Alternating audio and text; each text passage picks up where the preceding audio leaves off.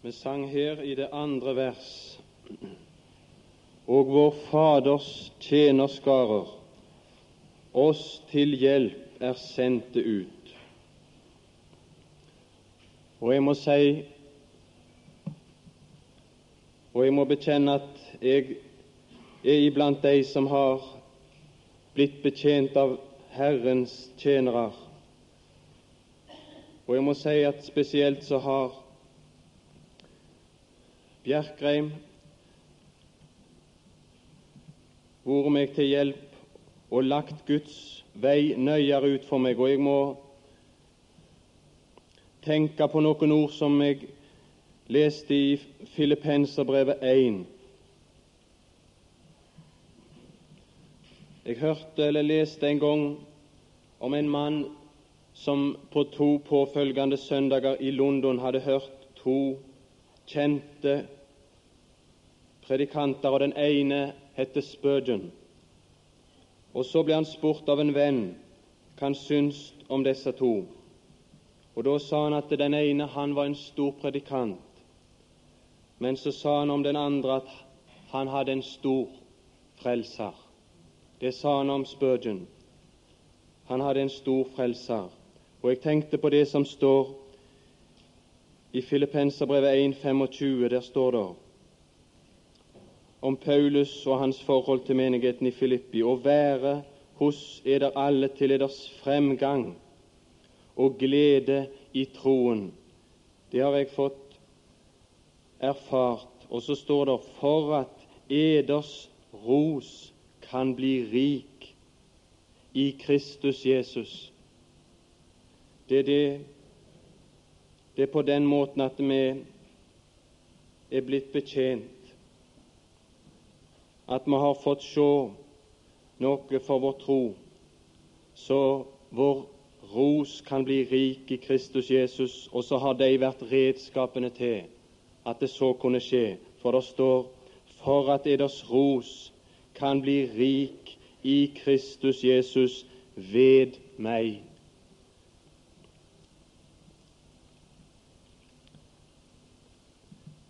Jeg ville gjerne vi skulle lese fra Esaias, det 32. kapittel.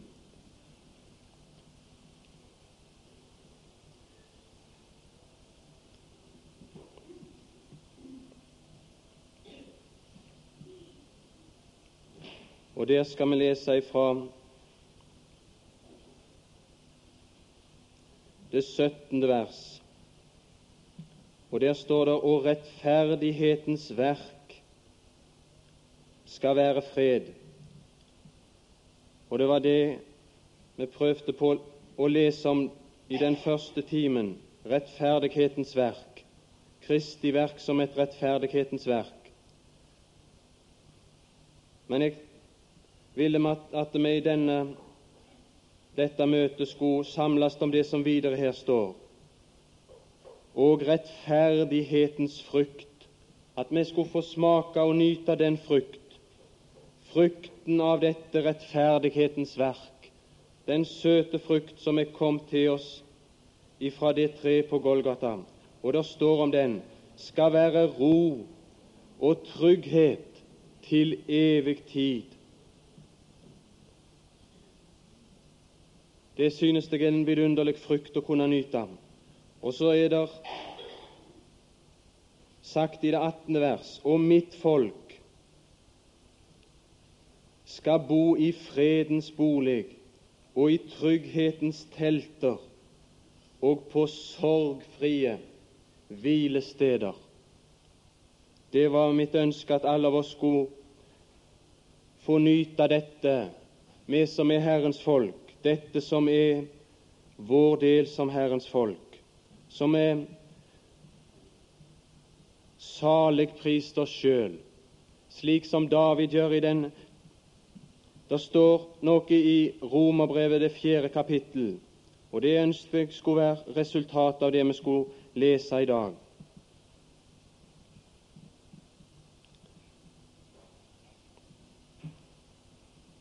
Av å nyte disse frukter. Der står det i Romerbrevet 4 av det sjette vers. Således priser også David det menneske salig som Gud tilregner rettferdighet uten gjerninger. Og så siteres de fra Salme 32.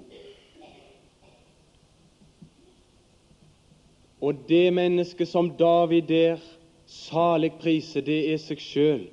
Det er ikke noen andre mennesker. Det er ikke noen som han kjente, men det er seg sjøl han der salig priser. Og det vil jeg gjerne skulle være resultatet, og det ville bli av å motta denne guddommelige sannhet, at vi lovpriser oss sjøl, som er en så salige stilling, salig er den hvis overtredelse er forlatt. I den forrige gang så så vi at den Herre Jesus kom til Jordan for å fullbyrde all rettferdighet. Og når den Herre Jesus der på korset i, i dødens og dommens dype vann fullbyrda all rettferdighet og herliggjorde Gud i rettferdighet, så kunne han rope 'Det er fullbrakt'. Men i, i uh, Lukas det sjuende kapittel, og der i det 29. vers, så står det om noen andre som rettferdiggjorde Gud der ved Jordan. Lukas det sjuende kapittel og det 29. vers. Og alt folket som hørte ham, og tollerne, de gav Gud rett de rettferdiggjorde Gud. De som før hadde anklaga Gud, mistenkt Gud, de gav nå Gud rett. De rettferdiggjorde han. På hvilken måte viste de at de rettferdiggjorde Gud? Det står og de lot seg døpe med Johannes dåp. Johannes han kom til dem på rettferdighetsvei, og så preste han på dem behovet for og nødvendigheten av omvendelse ved å erkjenne den rettferdige dom som de lå under. Men Johannes han forkynte ikke bare omvendelse.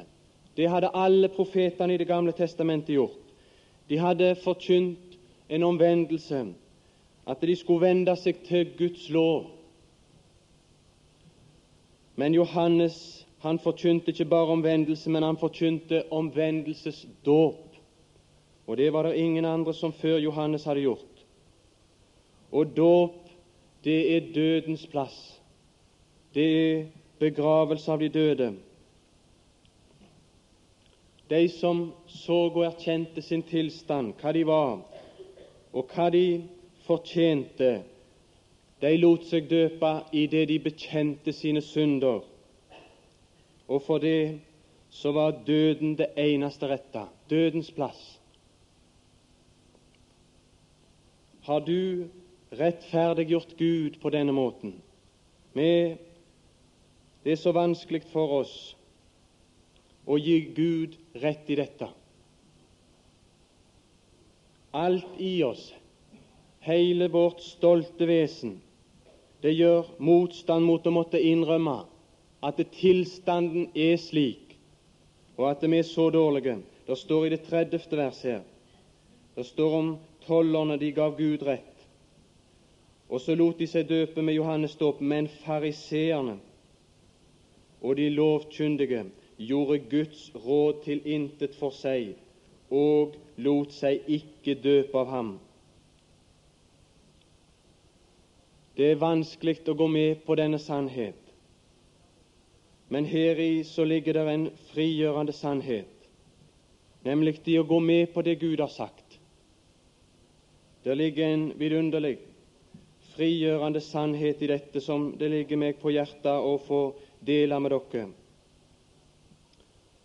Om en hver av oss kunne se denne sannhet, erkjenne denne sannhet og bøye seg for den, som vi i vår tro og i vårt erkjennelsesliv inntok denne plass som disse mennesker gjorde her i ytre handling, Og for oss så består dette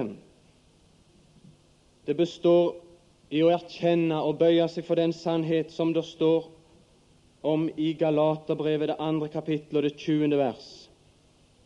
Der står det 'Jeg er korsfestet'. Jeg må vel få en plass, i alle fall en liten plass.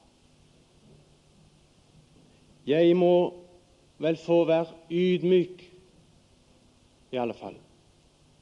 Nei, det står 'Jeg er korsfestet med Kristus'. Og ved døden så går vi ut av sfæren for vår ansvarlighet som mennesker i kjødet.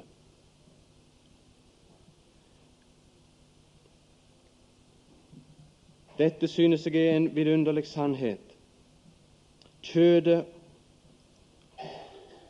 og alt det som jeg er som et Adams barn, det er helt og fullt ut fordømt, og det skjedde i Kristi død.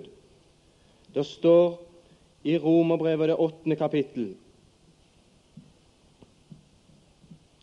og der står det i det tredje vers For det som var umulig for loven, idet den var maktesløs ved kjødet, det gjorde Gud, idet Han sendte sin Sønn i syndig kjøds lignelse, og for syndens skyld, og fordømte synden i kjødet.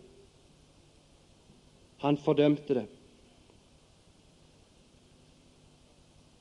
Og så står det videre i det åttende vers der Og de som er i kjødet, de kan ikke tekkes Gud. Men så står det Men dere er ikke i kjødet. Men dere er ikke i kjødet. Det er mange som kanskje ikke har sett denne sannhet, at vi i Kristi død er død og er korsfesta og er ute av vår stilling som et menneske i kjødet, med all den ansvarlighet overfor Gud som det pålegger oss. Men dere er ikke i kjødet. Mange sier at vi er arme, syndige mennesker, så Gud må miskunne seg over oss. Gud er langmodig, så vi får komme igjen sånn som vi fikk komme første gang. Vi greier ikke å, oppfylle vårt ansvar som mennesker. Så Gud må vise nåde mot oss. Og mange strever på denne måten med å oppfylle sitt ansvar som mennesker i kjødet, fordi de ser seg fremdeles som varende i kjødet. Ja, men dette er jo vårt ansvar som mennesker. Det er jo vårt ansvar overfor Gud. Nei, ja, men har vi ingen personlig ansvar? Nei, ikke under loven som et menneske i kjødet. For som sådan så er vi fullstendig tilsidesatt. Dets historie som et menneske i kjødet, det ble avslutta i dom og fordømmelse i Kristi kors, slik som vi her leste fra Romerbrev 8. Han fordømte synden i kjødet. Så på den måten så er vår historie som mennesker i kjødet, den er avslutta. Og så er vi gått inn i en fullstendig ny og annen stilling i Kristus som den oppstandende. Og dette synes jeg er vidunderlig for oss å tenke på. Vår stilling foran Gud, det er i den oppstandende, i den gunst og antagelse som Han har som den oppstandende. Ansvar det er alltid i forbindelse og i forhold til de forbindelser som en står i, den stilling som en står i.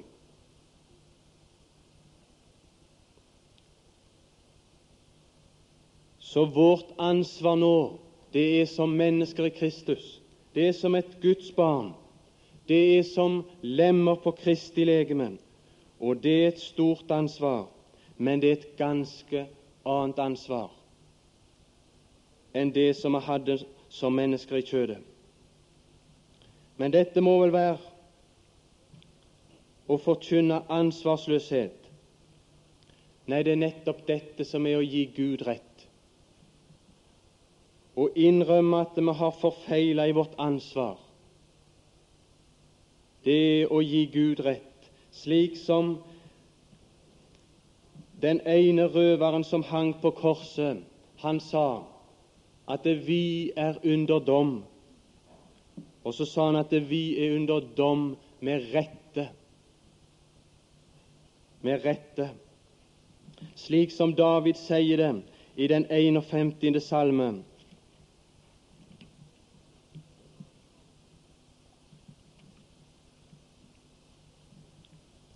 Der sier han i det sjette vers Mot deg alene har jeg syndet, og hva ondt er i dine øyne, har jeg gjort for at du skal være rettferdig når du taler, være ren når du dømmer. Det er kjennes å være rettferdig i dine straffedommer. Og Når Paulus siterer dette i Romerbrevet 3, så sier han Er vel Gud urettferdig når han fører sin vrede over oss? Nei, han er ikke urettferdig.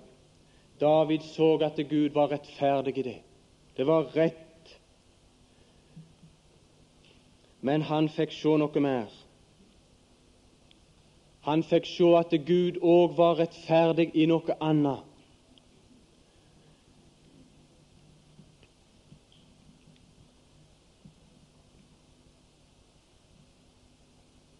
Nemlig at Gud var rettferdig i å rettferdiggjøre den ugudelige. For det står i Romerbrevet 4 Der siterer Paulus ifra en annen salme av David, slik som allerede har lest. Således priser også David det mennesket salig som Gud tilregner rettferdighet uten gjerninger. Og det mennesket som Gud rettferdiggjør, det står der i vers 5 der, at Han som rettferdiggjør den ugudelige. Men når det står det at Han rettferdiggjør han, så står det i det tredje kapittelet at Han er rettferdig når Han rettferdiggjør. Så Han er rettferdig òg når Han rettferdiggjør oss. Og så siterer Paulus ifra Salme 32 om den store salighet. Og om det som jeg ønsket vi skulle prise oss, enhver av oss som tror på den Herre Jesus, at vi skulle prise oss sjølsalige, at vi skulle rose oss i Kristus Jesus. Og der sier David at han skjulte ikke sin synd. Han bekjente den. Og da står det at det da var hans synd skjult. Salig er de hvis overtredelser er forlatt, og hvis synder er skjult. De er salige. Hvis synd er skjult. Når han sa 'Jeg vil ikke skjule min synd', jeg bekjente den, da kunne han erfare denne store salighet, at den var skjult. Salig er den hvis overtredelse er forlatt, hvis synder er skjult. For det står en plass at den som skjuler sin synd, har ingen lykke. Men, men David han erfarte denne store salighet av at hans synd var skjult. Og dette det er i Det gamle testamentet det var ordet for forsoning, at synden var skjult. Og hva er det som dekke over våre misgjerninger. Hva er det som har skjult de i Kristi forsoning? Det står en plass i ordspråkene at det kjærligheten dekker over alle misgjerninger. Det er slik at mine misgjerninger er skjult, men vi kan ikke bare si at de er skjult, men i Kristi død så er de borttatt. Så er de fjerna. Du verden for en salighet som er vår, som dette er sant om. vi har grunn til å kunne prise oss sjøl salige. Og når David erfarte det at hans synd var skjult ved forsoningen, ved den Guds kjærlighet som åpenbarte seg at han sendte sin sønn til soning for våre synder. Når han erfarte det og priste seg sjøl salige for det, så skjulte han seg ikke lenger for Gud. Men da roper han og synger han i den 32. salme Du er mitt skjul. Du er mitt skjul. Det var disse som der i Lukas 7 gav Gud rett, de som således gav Gud rett, de som rettferdiggjorde Gud, de som inntok den plassen, dødens plass i Jordan. De som rettferdiggjorde Gud, disse de vant den Herre Jesus for seg sjøl. For det står litt lenger ute i dette, det sjuende kapittelet hos Lukas, der står det i det 34. vers Og menneskesønnen er kommet, han eter og drikker, og dere sier, Se for en stor eter og vindrikker, tolleres og synderes venn. Her blir han anklaga igjen av fariserene. De anklager han. Det selskap han holdt, det var fordømmelse nok, mente de. Han passte for det selskap. Men så står det og visdommen er rettferdiggjort av sine barn. De rettferdiggjorde han. Men sånn som det fortsetter her i det sjuende kapittel, så viser det tydelig ved et eksempel at han var synderes venn. Disse som tok imot han og erfarte dette, de rettferdiggjorde han. De rettferdiggjorde den Herre Jesus ifra disse anklager. Men den beretning som følger etter her, den viser at han var i sannhet synderes venn. Men hva er det som skaper venner? Det står noe i ordspråkene det 19. kapittel om hva det er som skaper venner.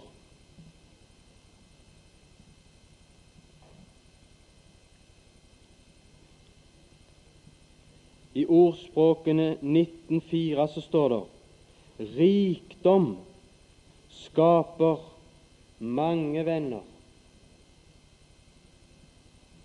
Rikdom skaper venner. Men det er ikke alle som har rikdom, som derfor har som derved har mange venner. Det er mange rike i Norges land som er ensomme. Så det er ikke bare å ha rikdom, men det står i det sjette vers mange smigrer for den gavmilde, og enhver er venn med den som er rundhåndet. Det var ikke bare det at den Herre Jesus var rik, og at, at han etter sin rikdom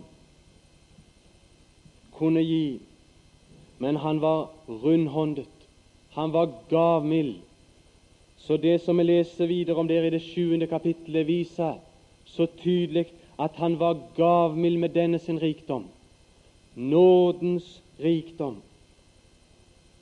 For det står at han etter denne sin rikdom, som han var så rundhånda med, som han ikke bare hadde, men han var gavmild. Så han gav syndenes forlatelse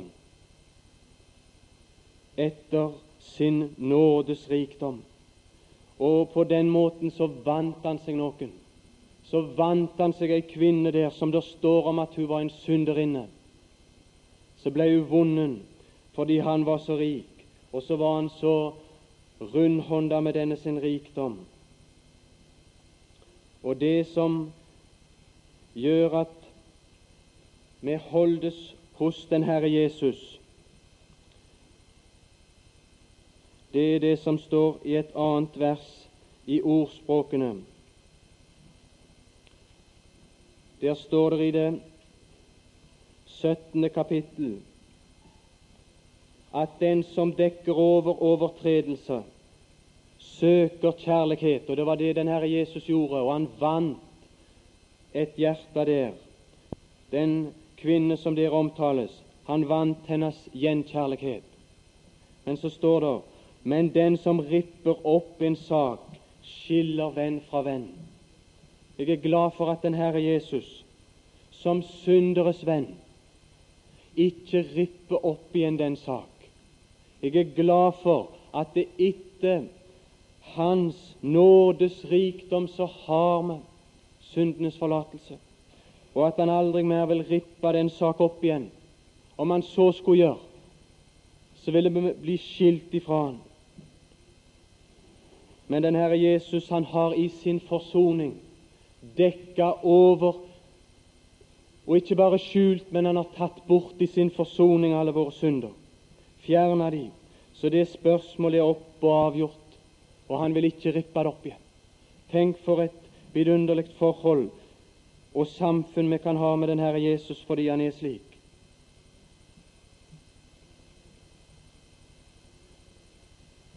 Men det er ikke bare at det Gud er rettferdig når han tilgir. Det står der i 1. Johannes brev at han er trofast og rettferdig så han tilgir. Men vi har sett i Romerbrevet 3 at han er rettferdig når han òg rettferdiggjør. Han er rettferdig når han rettferdiggjør. Men hva betyr så det å være rettferdiggjort? Det er jo noe ganske mer enn å ha syndenes forlatelse og slippe å måtte ta straffen for våre synder. For den tok den Herre Jesus. Men det er en juridisk renvaskelse fra alle anklager. Så vi står for Gud som rettferdig. Det står om Abel at han fikk det vitnesbyrd at han var rettferdig. At han var rettferdig. Og det var Gud som gav han det vitnesbyrd. For det står der i Hebreerbrevet 11 i det Gud vitner. Gud gav han det vitnesbyrd at han var rettferdig. Han var rettferdig for Guds åsyn. Men denne rettferdighet består ikke i en oppfyllelse av menneskets ansvar, eller at Kristus har gjort det i mitt sted. Nei, denne rettferdighet er i overensstemmelse med det som Gud er i seg sjøl. Det er Guds rettferdighet. Det er ikke bare i overensstemmelse med hva menneskene og hva vi burde være. Men vi er antatt hos Gud. Vi er rettferdig for Gud i overensstemmelse med det Gud er i seg sjøl. Og målet og karakteren av den rettferdighet som er vår i den Herre Jesus, den er framstilt i Kristus. Rettferdiggjøres i ham enhver som tror. I ham. Men i ham som oppstanden, for det står i Romerbrevet 4 han ble oppreist til vår rettferdiggjørelse. Rettferdiggjøres i ham, i den oppstandne, den antagelse og den gunst som er uttrykt i at Kristus ble oppreist ifra de døde. Det er mål og karakteren for denne vår rettferdighet som vi eier. Som vi er like fri like fri anklage som den Herre Jesus er. I Romerbrevet 8 så spørres det hvem vil anklage Guds utvalgte? Og så står det Gud er den som rettferdiggjør. I Det gamle testamentet så var det en som ville anklage de som da var Guds utvalgte folk. Vi husker når Israel kom ut av Egypten, Og når de sto ved grensen til Kanans land, da var det en som ville anklage Guds utvalgte. Det var Biliam. Men når Biliam ville anklage Guds utvalgte, så står det at han der må uttale som profet Ei skuer han urett i Jakob. Ei skuer han urett i Jakob. Gud er den som rettferdiggjør. Hvem vil anklage Guds utvalgte? Tenk i hans øyne. Han ser ingen urett i oss. Så han kan gi oss vitnesbyrd om at vi er rettferdige.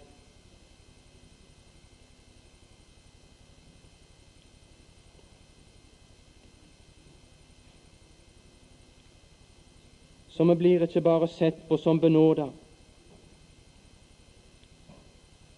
men vi står for Gud rettferdige. Og den som er rettferdig, han har ingenting å skamme seg over. Så vi står for Gud uten vår skam, uten all vanære. Vi står for Gud i Kristus, i Hans ære. Vi er identifisert med Kristus i den antagelse hos Gud som er uttrykt i hans oppstandelse. Men ikke bare det. Det står et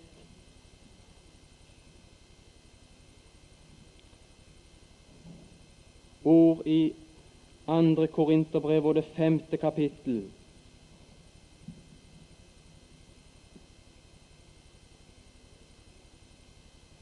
og det er det 21. vers.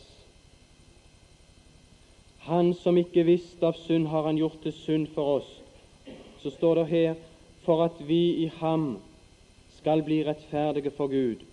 Men egentlig så står det for at vi kan bli Guds rettferdighet i ham. Guds rettferdighet i ham.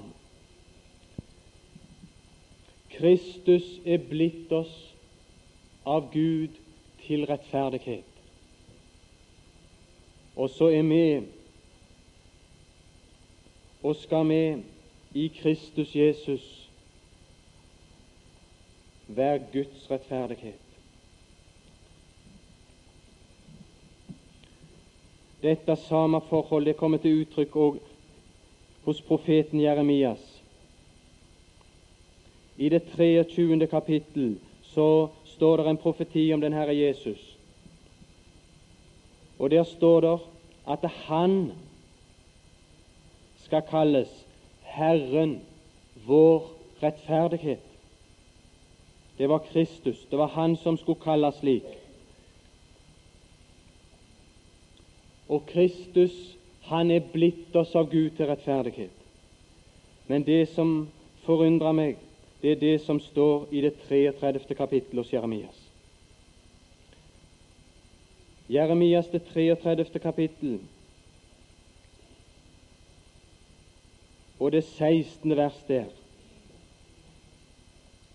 Det er ikke bare at vi er blitt at det Kristus av Gud er blitt oss til rettferdighet, som er i ham er rettferdig